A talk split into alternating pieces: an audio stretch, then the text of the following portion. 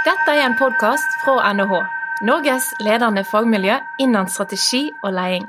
Trenger du mer faglig påfyll? Sjekk ut NHH Executive for våre etter- og videreutdanningstilbud. Hei og velkommen til Lederskap. I dag skal vi snakke om skatt.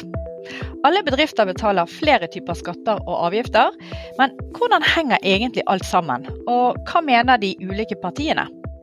Og dagens gjest er Ole Andreas Helvik Næss, som er forsker ved samfunns- og næringslivsforskning på NHH, og som også er skribent i flere av landets største aviser.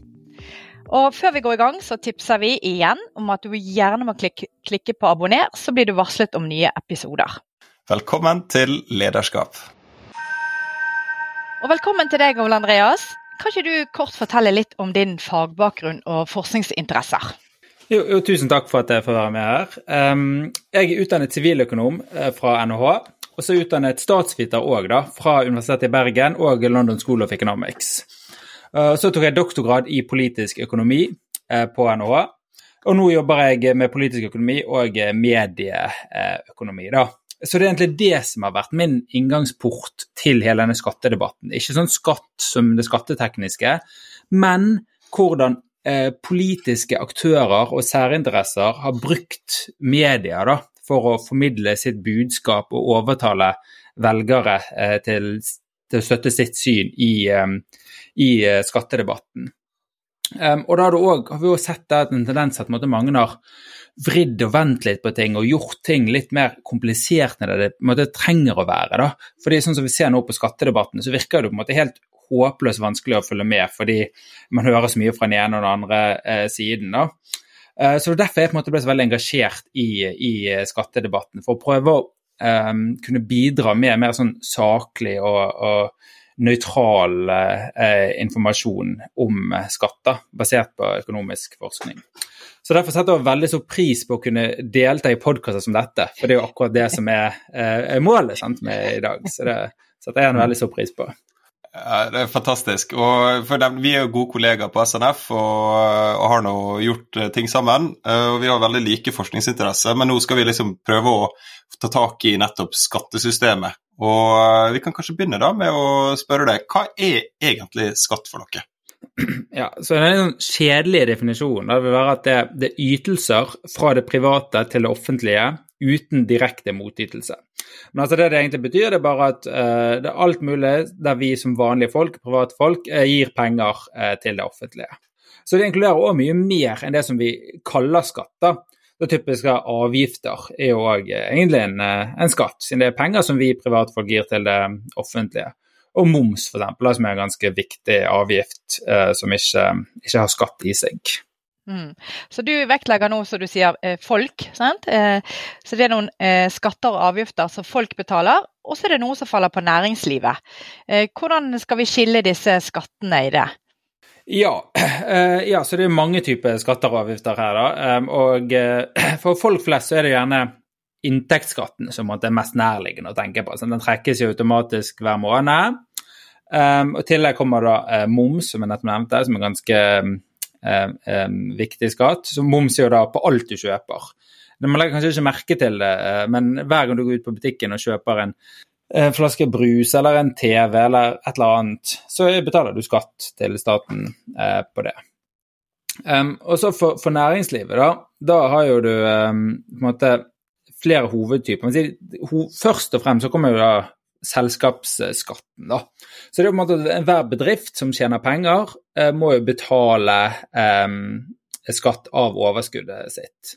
Og det er jo da på 22% i Norge eh, i dag. Um, det bare, men det er bare første del, sant? for det er da den skatten som bedriften betaler. For så kommer da pengene etter det inn på, på måte, til bedriften sin konto og, og blir eid av bedriften.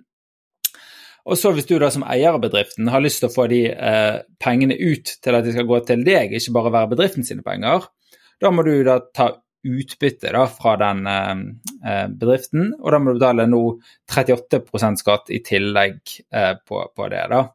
Så det er på en måte to hovedtypene. Og så kommer denne eh, formuesskatten, da, meget omtalte formuesskatten, eh, oppå dette. Og den faller jo på en måte både på næringsliv og på eh, vanlige folk, gitt at de vanlige folkene har eh, tilstrekkelig med eh, eh, penger. Eh, og det går jo da ut på at alt du har av verdier, uansett om det er penger eller hus eller bedrifter, eh, så må de som eier de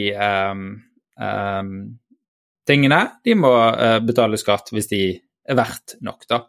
Så den går ikke direkte på næringslivet, siden det er jo personen som um, betaler, men det blir jo i praksis sånn at uh, de som eier en bedrift og eier mye aksjer, de, de får mer i, i formuesskatt så er det kanskje litt rart at akkurat den som får så stor rolle i den offentlige debatten. Da. Man skulle på en måte tro at hvis man ikke visste bedre og bare plutselig åpnet en norsk avis, skulle man tro at formuesskatten var kanskje den viktigste, den største skatten som hele um, skattesystemet står og faller på.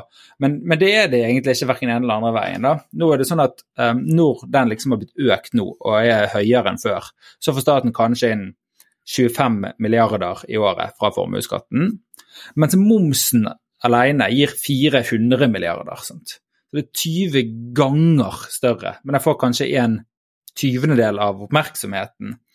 Um, så, så, så, så det, det, er ikke nødvendigvis et sånt samsvar da, mellom hva skatter som er liksom de, de, de, som gir mest inntekter, og hva som får mest um, oppmerksomhet. Mm. Og nå, nå, skal vi ikke gå inn i eh, for eller mot ulike skatter, men kanskje du også kunne forklart begrepet arbeidende kapital? Eh, som gjerne trekkes opp i formuesskattdebatten. Ja, så det er et omstridt eh, begrep. Det er på en måte omstridt på den måten at det har ikke så mye sånn eh, eh, fagmessig støtte. Eh, fordi det, det, går ut på en måte at det, det, det begrepet sier, er at noen typer kapital arbeider mer enn andre. Og det er det mer spesifikt det man tenker at aksjekapital arbeider, mens penger som står i banken, ikke arbeider. Det er på en måte det som er skillet, skille, i den definisjonen.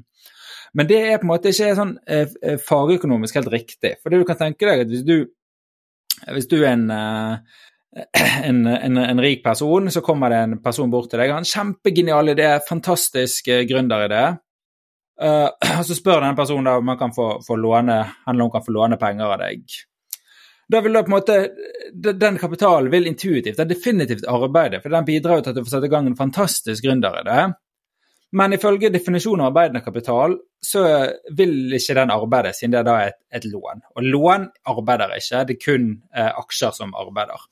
Så den måten å definere det på, som har blitt brukt i den norske offentlige debatten, det er egentlig de fleste økonomer sier typisk en av disse eh, særinteressene som har fått eh, litt for mye gjennomslag. Da. Så, så det finnes selvfølgelig mange gode grunner til å ikke skattlegge eh, det de kaller arbeidende kapital høyt, men det, det er òg grunner til å ikke skattlegge bankinnskudd og utlån så høyt, nettopp fordi det, den òg kan arbeide. da. Og eh, En skatt til som har fått mye omtale i, i offentligheten, særlig siste tida, det er dette begrepet grunnrenteskatt. Vil du forklare hva det er for noe også?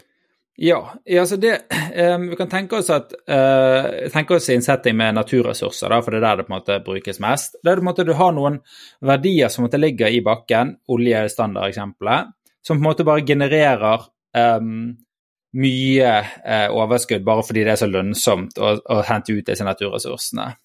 Um, og det som Norge da har gjort, det er lang tradisjon for å gjøre, er å legge en ekstra skatt på um, de som selger dette. Fordi det er på en måte argumentet at det ikke er liksom deres egen genialitet som gjør at de tjener så mye penger, det er bare at de henter ut alle sine eh, naturressurser. Så, så, for oljen sin del så har det på en måte vært ganske ukontroversielt. De, de betaler nå 78 eh, skatt, men det er jo på en måte ganske greit, fordi at um, det er jo ikke oljeselskapene som er så fantastisk flinke som er grunnen til at de tjener mye penger, det er jo fordi uh, de selger olje som er lønnsomt. Men nå, uh, i 2022, så blir jo da dette um, grunnrentebegrepet utvidet ganske mye, da, og da spesielt da, i forbindelse med, med, med, oppdrett at det er blitt så kontroversielt. Um, for det de da diskuterer, er hvorvidt du kan trekke denne um, sammenligningen med olje, at det gjelder for oppdrett òg. På en måte så jeg ser du det samme, fordi det, det, det er jo verdier i fjordene. Um, fordi det er en begrenset naturressurs, og alle kan alle kan ikke bare gå i fjorden og drive oppdrett. Um, så på den måten følger, holder argumentet. Men samtidig så er det på en måte mye mer eh, komplisert, fordi disse folkene driver masse investeringer. De har bygget opp nå i løpet av 20-30 år har de bygget opp en hel uh, industri. De har, de har, gjort veldig mye for å komme der de er i dag. da. Så det, så det, blir liksom ikke helt ekvivalent med oljen å bare kunne si at dette er verdier som oppdrettsselskapene henter rett ut fra bakken. Mm. Og så må det legges til at uh, oppdrettsnæringa betaler jo en løyve i tillegg. sant? De har en eller annen skatt eller en avgift for, på, for å kunne operere i fjordene i utgangspunktet. Og så betaler de selvfølgelig selskapsskatt og utbytteskatt, og eierne betaler formuesskatt. Og så er det snakk om å ilegge en ekstra beskatning, den såkalte grunnrenteskatten.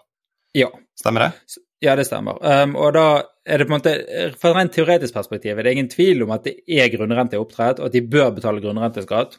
Det er på en måte problemet hvordan den kan utformes på en måte som gjør sånn at man bare tar det som er avkastningen som kommer fra eh, grunnrenten, og ikke den avkastningen som kommer fra det gode arbeidet de har gjort, da, eh, litt uformelt. Så, så det er liksom vanskelig rent um, um, teknisk å utforme en sånn type skatt, men det er åpenbart at det er behov for det på den måten at uh, lønnsomheten i oppdrettsbransjen har jo vært helt enorm. Så de tjener jo voldsomt mye penger. Uh, og det er på en måte, Hvis du tenker på lang sikt i, i, økonomi, så bør det på en måte ikke være sånn at én bransje der tjener alle veldig mye. Da virker det som det er et eller annet her som um, ja, kan skattlegges litt mer. da. Og, og, nå beveger vi oss inn på eh, stikkordene dine her, det at liksom, hvem skal tjene mye penger i et land osv. Vi opplever vel at Norge har det her, vi er veldig tuftet på det sosialdemokratiske. At alle skal på en måte bidra, og så skal alle få noe igjen. Og så er det selvfølgelig nyanser i de ulike politiske partiene. Men vi kan jo også snakke om at vi kan sammenligne det norske skattesystemet med andre land. Og Hvor forskjellig er dette da i forhold til det norske systemet og andre land du vil trekke frem? Ja, så I utgangspunktet kan vi si at vi på en måte er ikke så veldig forskjellige. Eh, verken i mengdeskatt eller i type skatt. Um, og Hvis du ser f.eks. på hvor mye skatt vi har, så ligger Norge egentlig ganske midt eh, på treet. Det er selvfølgelig ikke så alltid lett å måle hva, hva definisjonen av mye eller lite skatt, men én vanlig måte å se, er å se på skatteinntekter som andel av bruttonasjonalprodukt. Og der ligger vi midt på treet. Danmark og Frankrike og Sverige de har ganske mye skatt. De har mye mer enn oss. da. Mens vi ligger liksom midt på treet sammen med, med Tyskland. Eh, og når vi ser på eh, hvordan næringslivet skattlegges, så eh, skiller det seg ikke så mye fra andre, eh, fra andre land som, som, det kan virke sånn da, i, um, i debatten. Og det er faktisk mange land som eh, totalt får skattlegge kapital eh, mye hardere enn oss. Til og med USA og Storbritannia og Sveits eh, får inn mer penger fra kapitalskatt enn vi får i Norge eh, i dag. Men der vi skiller oss litt, da, er at vi skattlegger kapital på en litt annen måte enn mange andre land. Eh, sånn som det er veldig typisk at land har eh, skattlegger eiendom ganske mye. Eh, for, for privatfolk, da, ikke, ikke nødvendigvis for næringsliv, men det òg. Eh, men for Norge og USA eh, det er ganske gunstig, spesielt primærbolig å eie er jo veldig gunstig. Så den kapitalen skattlegges mindre.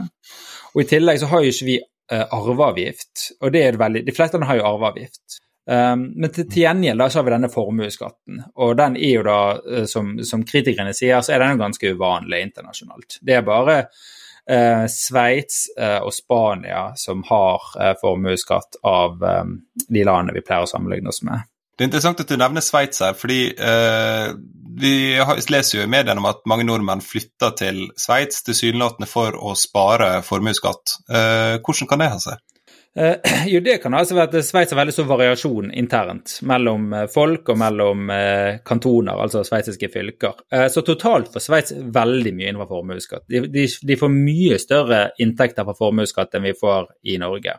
Så for mange vanlige sveitsere så må de definitivt betale mye formuesskatt. Men Sveits har òg på en måte, spesielt noen kantoner, altså noen fylker i Sveits, har noen litt sånne spesialavtaler som de kan gjøre med rike innflyttere, da, fordi de har lyst til at folk skal flytte dit. De har lyst til å få rike folk der, eh, fordi rike folk er jo produktive og flinke folk osv. Så, videre. Eh, så de kan få spesialavtaler, sånn at de kan få en veldig lav eh, formuesskatt. Så det kan være sånn at den gjennomsnittlige sveitser betaler mer formuesskatt enn den gjennomsnittlige nordmann, men likevel kan disse rike spare formuesskatt på å flytte til Sveits. Mm. Eh, og, og, det med skattetrykk og opplevelse av skattetrykket. For nå føler jeg vi får en sånn Å ja, Norge ligger liksom midt på tre. Men av og til disse her eh, medieuttalelser og debatten virker det som at vi ligger helt på topp. Og stakkars eh, oss i Norge som må betale så mye skatt. Eh, og så ser det kanskje ikke helt sånn ut hvis du tar disse nyansene og sammenligner med andre land. Men klager alle folk i alle land over skatt? Kjenner du til noe? Hva er debatten og narrativet i de ulike landene? Og er vi spesielt opptatt av skatt i Norge? Um, man, man, ser mye av de samme tingene på tvers av, uh, av land. Da. Sånn som for eksempel um, både Frankrike og Tyskland de, de deler jo uh, grense med, med Sveits og kultur med Sveits. Altså lavere kostnad for franske og tyske rikinger å dra til Sveits enn for norske. Og de, har jo, de har jo slitt med dette her med lenge, sant? så det har jo preget mye av den um, politiske diskusjonen der. Og det er veldig mange franskmenn spesielt som som reiste til Sveits da når de hadde formuesskatt. Um, så Frankrike har faktisk da valgt å fjerne formuesskatten, da, mye pga. de rike dro, mange som rike dro til eh, Sveits. Men man, man, ser mye av det samme der. Og du ser også f.eks. denne um, arveavgiften da, som vi ikke har. Den får i mange land en litt sånn tilsvarende type sånn uh, hatsobjektrolle som uh, formuesskatten har fått i Norge. da. Jeg ser sånne undersøkelser fra Storbritannia for eksempel, der de har arveavgift. og Det er liksom den desidert mest um, um, hatete uh, skatten. Og i USA er den blitt veldig sånn um, polariserende. Da kaller de jo det death tax, altså en skatt på å dø, liksom. Det, det, det, kan man jo ikke ha. sant? Um, så, så, man ser mye av det samme i alle land. Det varierer selvfølgelig litt over tid, uh, både internt i land og på tvers av land. og sånn som Norge akkurat nå. Det har jo åpenbart skjedd et eller annet i Norge nå med diskusjonen um, det siste året eller to som ikke, som ikke, har vært der tidligere. Da. Så akkurat nå er jo vi i en tilstand der ting er veldig um, polariserende. Hmm. Men da ser vi altså at uh, i Norge så har man flere forskjellige typer skatter og avgifter. Og så har ulike næringer også ulik type beskatning. Oljenæringa skattlegges på en måte, og fiskerinæringa på en annen. Og vi kan også nevne at mediebransjen har momsfritak på abonnementssalg, så de har også en, en stor fordel der. og Det gjelder også boksalg eh, og kulturarrangement, kinokonserter og sånt. Så, så, så skatteregimet brukes også som et politisk virkemiddel. Men eh, hvis vi ser dette som en helhet i Norge, vi skal det for det norske skatteregimet, hvordan eh, hva sier forskninga om, om, det kontra andre måter å innordne skatt på? Um, ja, altså generelt eh, så eh, får det norske eh, er det norske skattesystemet ganske, ganske bra, da. De, de, store reformene vi har hatt tidligere, har på en måte effektivisert og modernisert. og vi prøver på en måte å forholde oss til de grunnleggende prinsippene som forskningen um, um, gir oss. da. Um, så, så, det norske systemet er i store trekk ganske, ganske bra. ja. Mm. Så hvis vi sier da at vi har et skatteregime, som du sier, forskningen gir sin sånn godkjennelse, dette er bra, det er omfordelende sikkert, hva ord man nå bruker på dette, men så har vi da eh, politiske partier, sant? som likevel òg er sterkt uenige om innrettingen på skatt.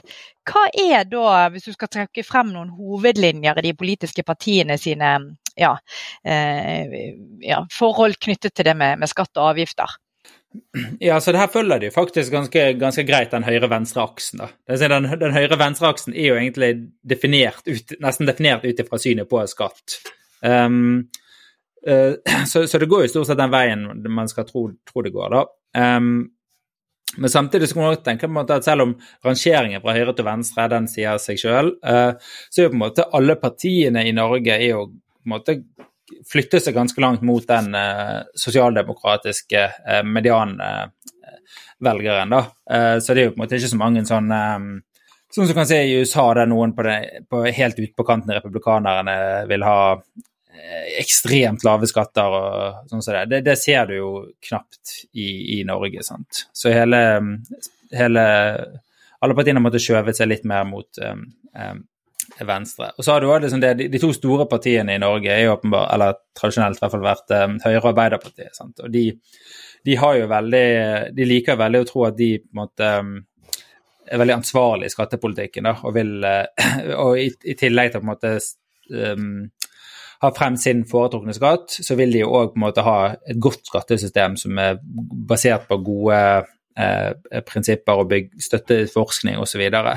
så det ser vi òg innimellom at når de eh, når de to partiene da klarer å, å, gå på tvers av sine kortsiktige interesser, og heller på en måte tenke ok, nå skal vi ta og gjøre dette skattesystemet litt, uh, litt bedre, nå skal vi finne ut hvordan vi kan gjøre små ting som gjør det bedre, så, så, så ender vi opp med å få sånne breie, gode um, skattereformer som gjør skattesystemet vårt bedre. Og det har vært i 1992 og i 2006, da, først og fremst. Mm.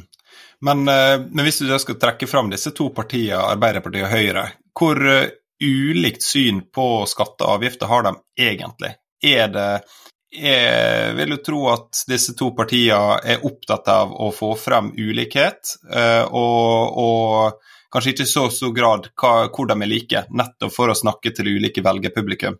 Hva tenker du om det? Ja, nei, det, det, er et godt poeng. Det er en veldig, skatt er blitt en ganske sånn bra måte, på en måte å signalisere sin egen ideologi på blant politikere. Da. Og det ser vi jo, og Kanskje derfor er formuesskatten er blitt så omdiskutert. Fordi den, den fungerer veldig bra for begge, begge sidene av politikken til å på en måte kunne snakke direkte til sine kjernevelgere. da. Og Da kan liksom venstresiden bruke den til Siden det er jo bare de, er bare de rikeste som betaler formuesskatt. Det er jo viktig å måtte ha i bakhodet her. da. Så venstresiden kan på en måte gå veldig hardt ut og si formuesskatten er bra, med vissheten om at det er bare at det er de rike som på en måte, som ikke de kjernevelgere uansett, som betaler den. Mens høyresiden blir det da eh, motsatt. Så det er ingen tvil om at de kanskje innimellom overspiller litt av de ideologiske eh, forskjellene forskjell i, i, synet på hva de faktisk eh, mener. da. Eh, for jeg, som sagt, når, når, det kommer til stykket, så, så, så er jo både Høyre og Arbeiderpartiet er enige om at du bør ha et godt skattesystem med mest mulig effektive eh, skatter. Så skiller de seg litt på hvor mye de vil omfordele, liksom nivået av de ulike skattene. Um, så da vil de liksom Høyre omfordele litt mindre enn Arbeiderpartiet vil. Mm.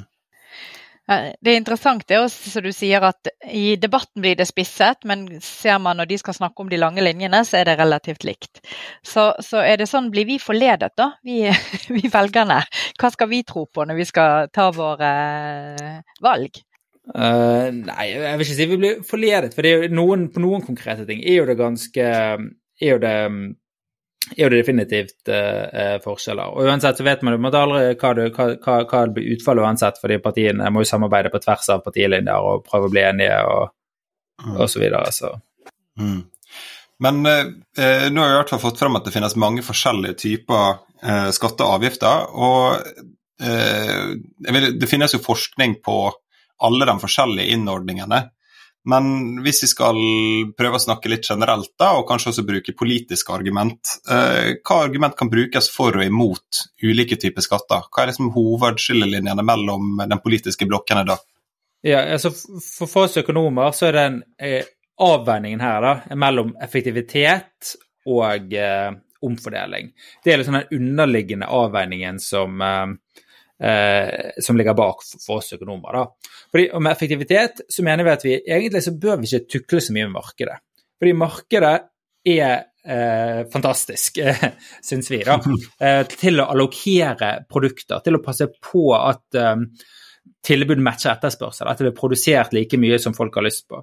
Sånn som så for eksempel, Hvor ofte ser man at det er overproduksjon av varer som markedet mm, styrer over? Styrer over? Det, det, skjer nesten ikke. sant? Det blir liksom riktig mengde av ting i butikken. Det blir akkurat den mengden som folk har lyst på. Men med en gang du på en måte går, går vekk fra markedsmekanismen, sånn som f.eks. på kjøtt- og meierivarer og sånt, da er det ofte overproduksjon. Sant? Vi har jo sånne enorme lagre med, med, norsk kjøtt som ligger rundt omkring på frysere fordi, eh, fordi, fordi eh, produksjonen ikke styres av tilbud og etterspørsel, men av andre ting. Om det da ikke er underproduksjon, eh, sånn som når vi har hatt smørkriser og sånt. Så, så markedet fungerer veldig bra, da. Um, og, og, og, i praksis, så hvordan kan du unngå å tukle for mye med markedet? Jo, det er jo på en måte å ha lave skatter. Så lave skatter gir ikke alltid, men generelt gir lave skatter effektivitet. Så det er den ene siden. Men samtidig så gjør jo dette frie markedet med lave skatter det har jo en tendens til å skape uh, mye ulikhet. Sant? Det er noen som blir veldig fattige, og noen som blir veldig rike når du lar liksom, denne effektive markedsmekanismen uh, få fritt spillerom. Uh, så, så for å motvirke det, så vil man jo da omfordele litt fra de som endte opp med å bli veldig rike, til de som ikke blir veldig rike. Så den avveiningen, hvordan man avveier eh, effektivitet opp mot um, omfordeling, det på en måte egentlig vil um, avgjøre på en måte da, din posisjon på den klassiske uh, høyre-venstre-aksen. Hvis man legger veldig stor vekt på effektivitet og lite på omfordeling, så er man der ute på høyresiden. Og legger man veldig stor vekt på omfordeling uh, relativt til effektivitet som er ute på venstresiden. Men alle de posisjonene kan eh, måtte forsvares fra et økonomisk synspunkt, bare avhengig av hvordan man gjør eh, avveiningen. Mm. Og det, det, er kjempegod oppsummering, men en ting jeg også kanskje fisker litt etter, er vel at, eh, at høyresida har en tendens til å si at lave, lav beskatning gjør at vi kan øke vår investeringsevne, så dermed kan vi ansette flere, f.eks. Det stimulerer til eh, verdiskapning. Kan du det igjen i det? Uh, ja, men det er mange ting inni, inni der. da, fordi måte Det vi egentlig ville sagt som økonom, er mer at lave skatter gjør sånn at um, uh, de eiere investerer pengene sine der de er mest lønnsomme, og det er bra. fordi vi vil, at, vi vil at pengene skal flyte der de er mest lønnsomt. Så om det skaper arbeidsplasser eller ikke, det er på en måte ikke så veldig relevant, egentlig. Uh, og hva som skaper arbeidsplasser, er jo et annet spørsmål enn empirisk. Men Eh, vi vil i hvert fall lave skatter på den måten og da, da, da, da, vil eierne investere pengene der det er mest lønnsomt. Og det er bra, for da, får vi høyest mulig grad av eh, effektivitet. Og Det som er interessant i det bildet, er jo nettopp det ok, vi lar markedet flyte og det går bra for enkelte, og så øker kanskje da ulikheten som du snakker om. Og da har vi, husker jo spesielt denne boken til Piketty som kom som en sånn farsott. Oi, endelig skjønte vi at jøss, yes, hvis det er store ulikheter, så er det jo veldig dårlig for samfunnet som helhet og for folk i det. Og, og disse store linjene som kanskje flyttet litt, merket jeg i debatten. Så én ting er jo det personlige, det at du tenker ja, men folk er sin egen lykkes med, og det er bra. Men da er det ikke bra å bo i et sånt land der det går utover noen. Eh, så her bør kanskje myndigheten inn og hjelpe oss. Eh, har du merket noe at det skjedde noe i det landskapet eh, i ettertid av den? Piketty kommer forresten her på NHH om et par uker. Kan du reklamere for? Ja. Mm. Ja, altså, jeg, tror, jeg, tror, det er mange som fikk seg en aha-opplevelse av den boken og de etterfølgende publikasjonene av han og uh, andre. da.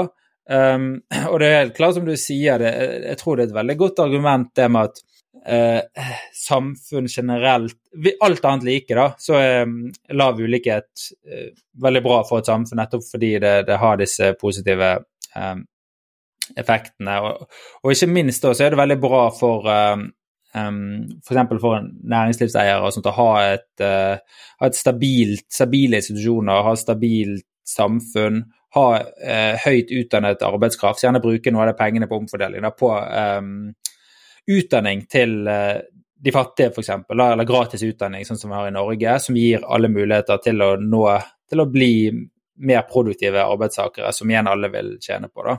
Så, og Det tror jeg de fleste vil være enige om, at alt annet like det er bra. Så spørsmålet bare da, i hvor stor grad man er villig til å ofre økonomisk effektivitet for å komme dit. Mm.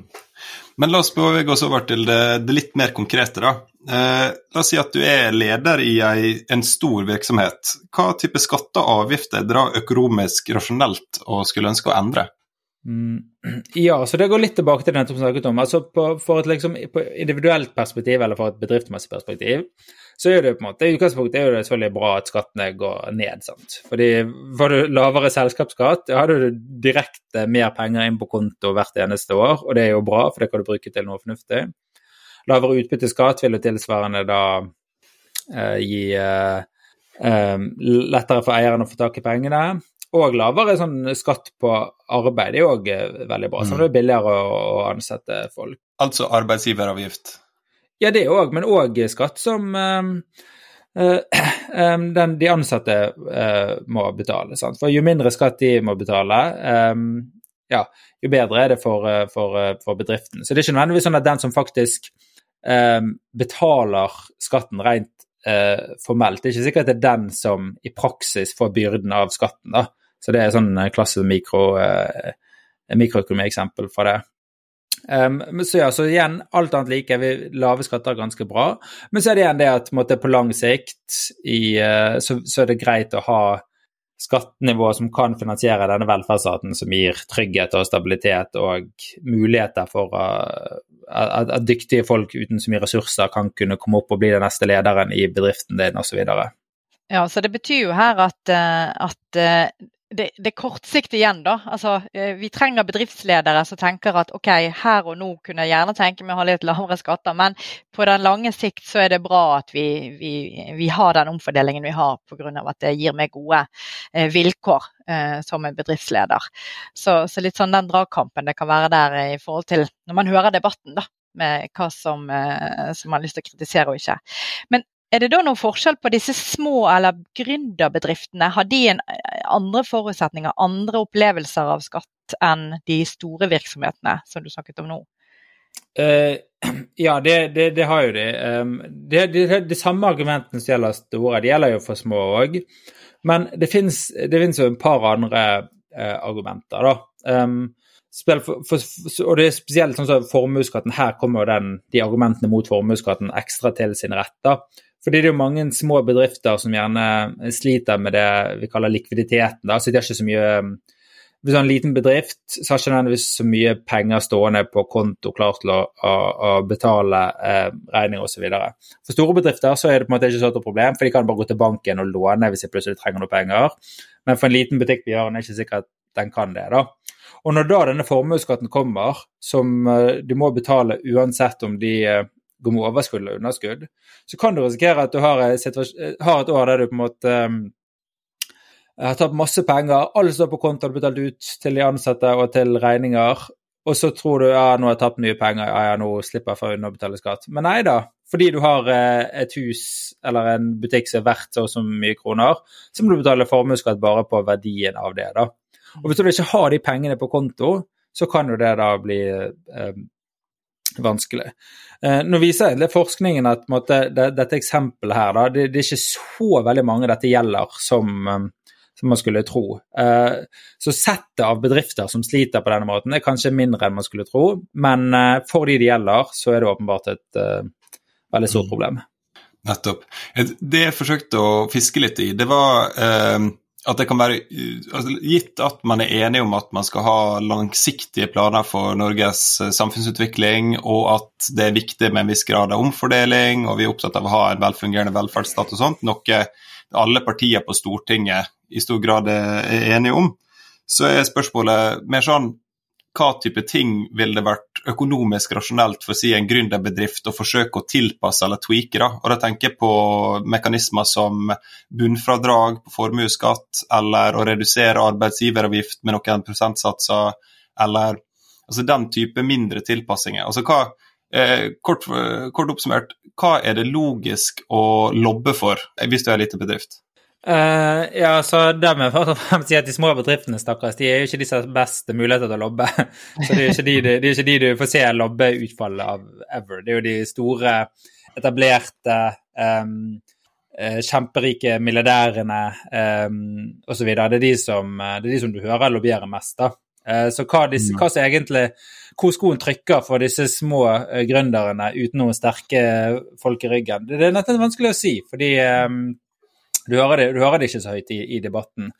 Men uh, um, ett poeng er selvfølgelig at du må, ha, du må ha velfungerende kapitalmarkeder. Det er på en måte det aller viktigste for en gründer. Fordi en gründer har en god idé, men en gründer har ikke så veldig mye uh, penger generelt. Noen gründere har mye penger og en god idé, og de er jo selvfølgelig kjempeheldige. Men du har jo da ikke Som regel har du ikke det. Så da må du på en måte få uh, et, et, et, kapitalmarked til å gi deg penger. Enten i form av lån, eller da i form av at de, de blir med på investeringene da i, i form av um, aksjekapital. Så det er på en måte, det er det aller, aller viktigste for en gründer. Å ha et skattesystem som gjør at det, det er mulig å få tak i sånn type uh, penger. Og det, det, det, fungerer jo ganske bra i Norge. Det, er, det er egentlig Det gjør det jo. Um, så det store og hele så funker den greien ganske, ganske bra, egentlig. Men da er jo interessert at eh, Jeg syns i hvert fall etter vi fikk regjeringsskifte, så har det vært veldig sånn Nå er det helt krise her. Det er veldig uforutsigbart, det er usikre driftsvilkår. Eh, og det ser ut som velgerne også er enig i det, sant? fordi at eh, Arbeiderpartiet nå mister en del velgere og stemmer til Høyre. Hva tenker du om det narrativet som nå er utviklet seg etter vi har hatt det regjeringsskiftet med at det er usikre driftsvilkår for bedriftene? Mm. Hva refleksjoner jo, har du her? Ja, nei, det, det, er et eh, veldig godt spørsmål. For det er jo um, På en måte er det åpenbart uh, riktig. fordi regjeringen nå i fjor høst kom jo med veldig mange forslag til endringer. Store, ganske store endringer, da. Um, som f.eks. økt utbytteskatt, den skulle gå dramatisk opp. Alle sine grunnrenteskattene. Uh, den økte arbeidsgiveravgiften. Mange sånne typer eh, eksempler. Og, og, og, gir det usikkerhet? Eh, ja, det, det, vil man jo tro. Eh, fordi, som jeg var inne på tidligere, så er jo da de store linjene i norsk skattepolitikk er jo da styrt av når Høyre og Arbeiderpartiet er enige med hverandre. Og Hvis man da på politiske briller skal man tenke at når Høyre og Arbeiderpartiet måtte bli enige om store, breie forlik, så vil alle skjønne at, at da, da, da, kommer dette til å vare lenge. Så da forsvinner usikkerheten. For det er ikke nødvendigvis sånn ja, hvis det partiet vinner valget neste år, da blir det store endringer. Så jeg tror på en måte mm. begge de partiene har nå i løpet av 30 år på en måte tenkt at det har en stor verdi av at de er enige. Da, at det ikke bare sånn kommer med masse soloutspill og gjør endringer uh, en og andre veien.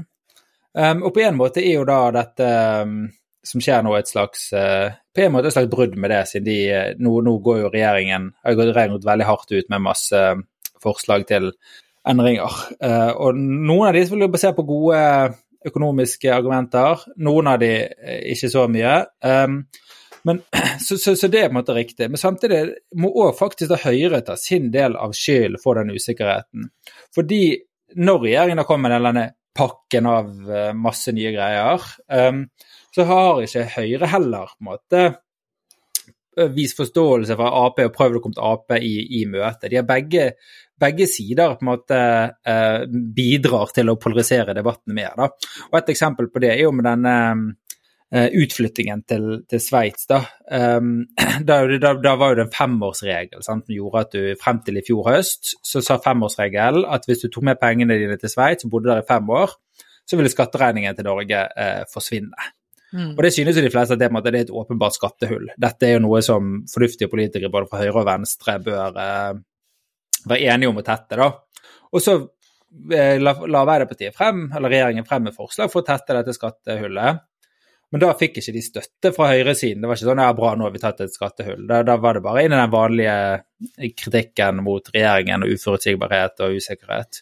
Um, så jeg vil si det går begge veier. Det, det er på en måte blitt en debattkultur nå som er kanskje litt for uh, polarisert og uh, litt for lite basert på, på breie forlik og store, uh, stor enighet. Og det ville være bedre for Det ville, det ville gitt mindre usikkerhet hvis partiene klarte å bli litt bedre venner. Mm. Men da skal vi prøve å få det til å, eh, å, eh, synse litt basert på egen forskning og kompetanse. da. For Som jeg nevnte i sted, så, så er jo alle partier på Stortinget egentlig enig i at vi skal ha en sterk velferdsstat, men også at vi skal ha et næringsliv som fremmer økonomisk vekst og innovasjon, og som sikrer arbeidsplasser, at vi har lav arbeidsledighet. Det er ingen parti som er for den eh, planøkonomien man, man hadde i Russland og Kina på, på 60-tallet, liksom. Så med det premisset, da, gitt at vi skal ha både et sterkt næringsliv og en sterk velferdsstat, hvordan vil du beskrive et sånt drømmeskatteregime? Ja, det er et gøy spørsmål. Um, altså, den, den, beste skatten, den vi må begynne med, det er liksom ingen tvil om, det er sånne miljøskatter. Uh, fordi som jeg sa i sted, så hyllet jeg jo markedet for at markedet er så fantastisk, gir den beste allokeringen av ressurser og sånt. Men det gjelder jo ikke hvis det er på en måte eksternaliteter, som heter på så pent. Sånn, at, det, at, kostnaden ved at du gjør noe, egentlig er høyere enn den kostnaden du tar hensyn til. Og det er typisk da, at Hvis du flyr til Oslo, så tror du at den prisen står på flybilletten, at det er den egentlige eh, kostnaden. Men så koster det jo mye mer fordi miljøet påfører sånn skade ved at du flyr. sant? Så hvis vi først og fremst tar innfører skader som eh, Nei, så først og fremst innfører skatter som um, korrigerer disse markedsfiaskoene, da, da er det bare fantastisk. Så vi må ha mest mulig eh, CO2-skatter. Um, og skatter på andre ting vi ikke liker, som forsøpling og ja, annet sånt som det. Men det kommer trolig ikke til å gi nok inntekter for staten, da. Så vi må jo ha litt mer enn det òg. Uh, så, og hvis vi da går vekk fra de positive skattene, de som hjelper oss, så kan vi gå til de nøytrale skattene. Og det vil da typisk være disse grunnrenteskattene. Um, fordi de, de, hvis de er riktig implementert, så så vil de ikke ha noen eh, skadevirkning. fordi eh, da tar de bare den avkastningen fra naturressursene og ingenting eh, mer.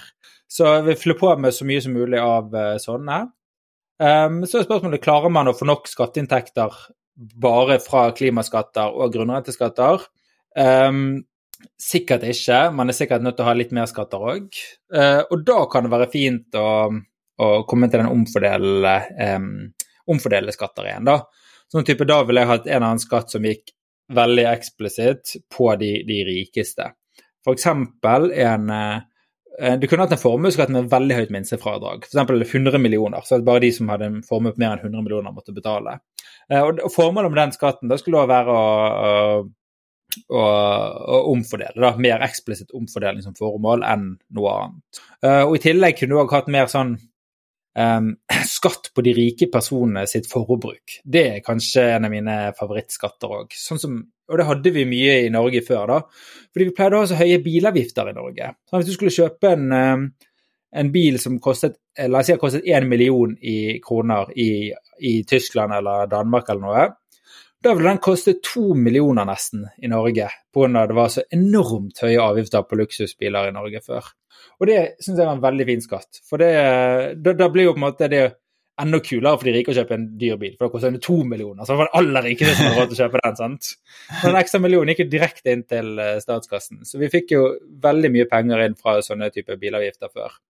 Men nå har vi endret eh, litt på når elbiler er overtatt som luksusbiler. Så de som før kjøpte biler til to millioner, nå kjøper de da en eh, Tesla Model X, uh, så de slipper å betale avgift på det hele tatt frem til nå. da. Det er litt avgift fra med 2023, men ingenting frem til før det. Så det har vi gitt fra oss, da, så det er litt synd. Ja, så, så sånn vil jeg oppsummert det. Først har vi miljø, miljøskatter, dernest har vi grunnretteskatter, og så tar vi skatter som går eksplisitt på de, på de, på de rikeste. Hva med, hva med, moms og arbeidsgiveravgift og, og skatt på, på lønnsinntekter? Jo, altså i, i, praksis kan det, det spørs igjen på hvor mye penger man klarer å finne fra de andre. Så i praksis kan det være du må ha disse andre skattene òg. Men når vi tar f.eks. skatt på, på lønnsinntekter, den diskuteres jo ikke så mye. Men den er jo um, For det første er det ganske Den har jo ganske negative effekter på den måten at uh, det gjør det mye mindre lønnsomt å arbeide. Uh, og ofte kan det være bra for Eller ikke nødvendigvis, men ofte kan det være bra at man arbeider, vil arbeide litt mer, spesielt de som har lite penger men så gjør denne skatten det sånn at du kanskje lar være å arbeide. Og I tillegg er det også sånn at mange ganske fattige må jo betale en del i, um, i skatt på inntekt i Norge. Det kommer ikke alltid helt frem i debatten heller, men uh, fatt, hvis du har en lavinntektsperson i Norge, må du gjerne betale mye mer skatt enn en lavinntektsperson i, i, mange, andre, i mange andre land. Så, så, retorisk sett så er det snakk om å gi og ta, da. Altså det, du ser for deg å senke noen skatter og avgifter også, i tillegg til å øke på andre punkt? Ja, for som sagt, de fleste skatter er jo egentlig negative. De har negative verdier, eh, bortsett fra at de da gir penger. Eh, så på en måte, hvis du ikke trenger mer penger enn det du får fra, fra grunnrenteskatt og miljøskatt og rikingskatt osv., så, videre, så er det jo egentlig ingen vits i å ha skatt på vanlige folk sine inntekter. Hmm, interessant. Jeg får jo tanker om at er dette eh, begrunnet i en type ideologisk eh, skatteregime, eller er det i henhold til at eh, dette skaper mer innovasjon, vekst, arbeidsplasser? Hvor ligger du på den skalaen? Ja, det er klart det siste. Det ser jo det samme på um, skatteutvalget som kom nå i i Torvik, ja. ja Torvik-utvalget. De vil òg ha lavere, generelt ha lavere skatt på arbeidsinntekter, sånn alt annet like, da. Ja. Mm. Nei, det, så det vil stimulere mer. og da er det jo, Men det er jo nettopp denne her, vi skulle jo ikke berøre så mye denne formuesskatten, men det er jo dette med som jeg opplever Nå har vi jo en del rike personer i Norge, da, det ser vi jo. Eh, men denne sjargongen rundt rikingene som føler seg litt lei seg. Hvordan skal vi mm. unngå å stigmatisere de? Eller skal ikke vi være så opptatt av det? Jo, jeg mener definitivt man må være opptatt av det. Man må, man må, alltid prøve at flest mulig folk er fornøyd, aldri på en måte såre noen unødvendig. da. Mm. Men det tror jeg igjen egentlig bare er at uh, denne debatten har gått litt over uh, styr. Fordi uh, jeg tror egentlig ikke de fleste har så mye imot rikinger. Og jeg, jeg, har jo flere ganger skrevet i avisen med på en måte budskap som kan ha virket som på en måte anti-riking, for å si det sånn. Um, og det er liksom aldri i det hele tatt min intensjon å signalisere noen motvilje mot disse folkene. Det er like hyggelige og flinke folk som alle andre. Ikke nødvendigvis hyggeligere enn andre, men de er noe, de er noe ja, skikkelige folk liksom, som stort sett som gruppe. Så at jeg skal liksom tro noe negativt imot de. Og jeg har også brukt ordet riking, men jeg tenker på det som en helt nøytral beskrivelse av en person som har mye penger. Nå er det ikke sikkert det er det lenger, fordi ord forandrer jo betydning etter hvert. Så nå har jeg oppdatert òg og skjønt at um, riking signaliserer noe mer enn bare å ha mye penger. Uh, så jeg, skal slutte, jeg har sluttet å bruke det ordet nå, jeg òg. Uh, for jeg har ikke lyst til, jeg har ikke lyst til å liksom fornærme folk, da, som aldri har vært meningen. Uh, så nå heller bare bytte det ut med personer som har formue, eller noe sånt. det, er et godt, det er et veldig godt tips, Ole. Og du er jo som sagt veldig engasjert i samfunnsdebatten. Du er fast baltist i Dagens Næringsliv, du er ofte på i TV-debatter og radiodebatter, så, så, du har jo virkelig engasjert deg i denne skattedebatten. Hvis det er noen eh, ledere typisk der ute som, som, hører på oss nå, har du noen tips til hvordan de skal engasjere seg i skattedebatten for å fremme sitt syn? Ja, um, som jeg var inne på helt i starten, så er det min motiv motivasjon til å delta i at jeg synes at det er mange på begge sider av debatten som, som tåkelegger litt for mye. da. Gjør litt for mye ensidig. Um, Eh, for, for, å styrke sin egen sak. Så jeg skulle gjerne ønske at det var flere næringslivsledere som bare la frem mer konkrete, saklige eksempler på at denne skatten den er ikke optimal fordi den har den og den effekten. Man trenger ikke å bruke store ord som at Norge er den siste sovjetstat og alt sånt som det, som åpenbart ikke er riktig. sant?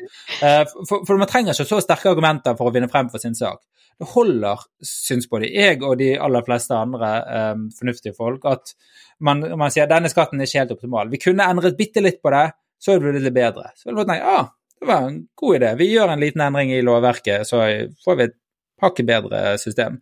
For jeg tror jo som sagt ikke at de som er motstandere av, eller de som er tilhengere av skatter, jeg tror ikke så mange av de egentlig har lyst til å på en måte gå og ta de rike og alt sånt det der. Det er bare litt uheldig retorikk da, som både SV-lederen og LO-lederen kanskje burde holde seg for god for. Men i praksis så, så, tror jeg ikke de vil det. Så jeg tror hvis det på en måte kommer noen sånn konkrete, saklige forslag med sånn denne skatten har den og den uheldige virkningen, kan vi heller gjøre det sånn, så tror jeg det folk er litt uh, lydhøre for det. altså.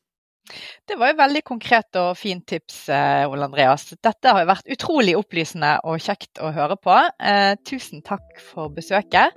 Og så ønsker vi lykke til med forskningen videre på skatt og skattesystemer. Ja, tusen takk for at jeg fikk være med. Du har nå hørt på Lederskap, NHHs podkast om ledelse. Mitt navn er Therese Sverdrup. Og jeg heter Tellef Solbakk Rabe. Du må gjerne komme med tilbakemeldinger eller innspill til tema. Og Du finner kontaktinformasjonen vår på NHH sin hjemmeside, eller så kan du skrive til oss direkte på Twitter og LinkedIn. Og Om du likte det du hørte, så blir vi veldig glad om du vil abonnere eller dele episoden med kollegaer og venner. Vi høres!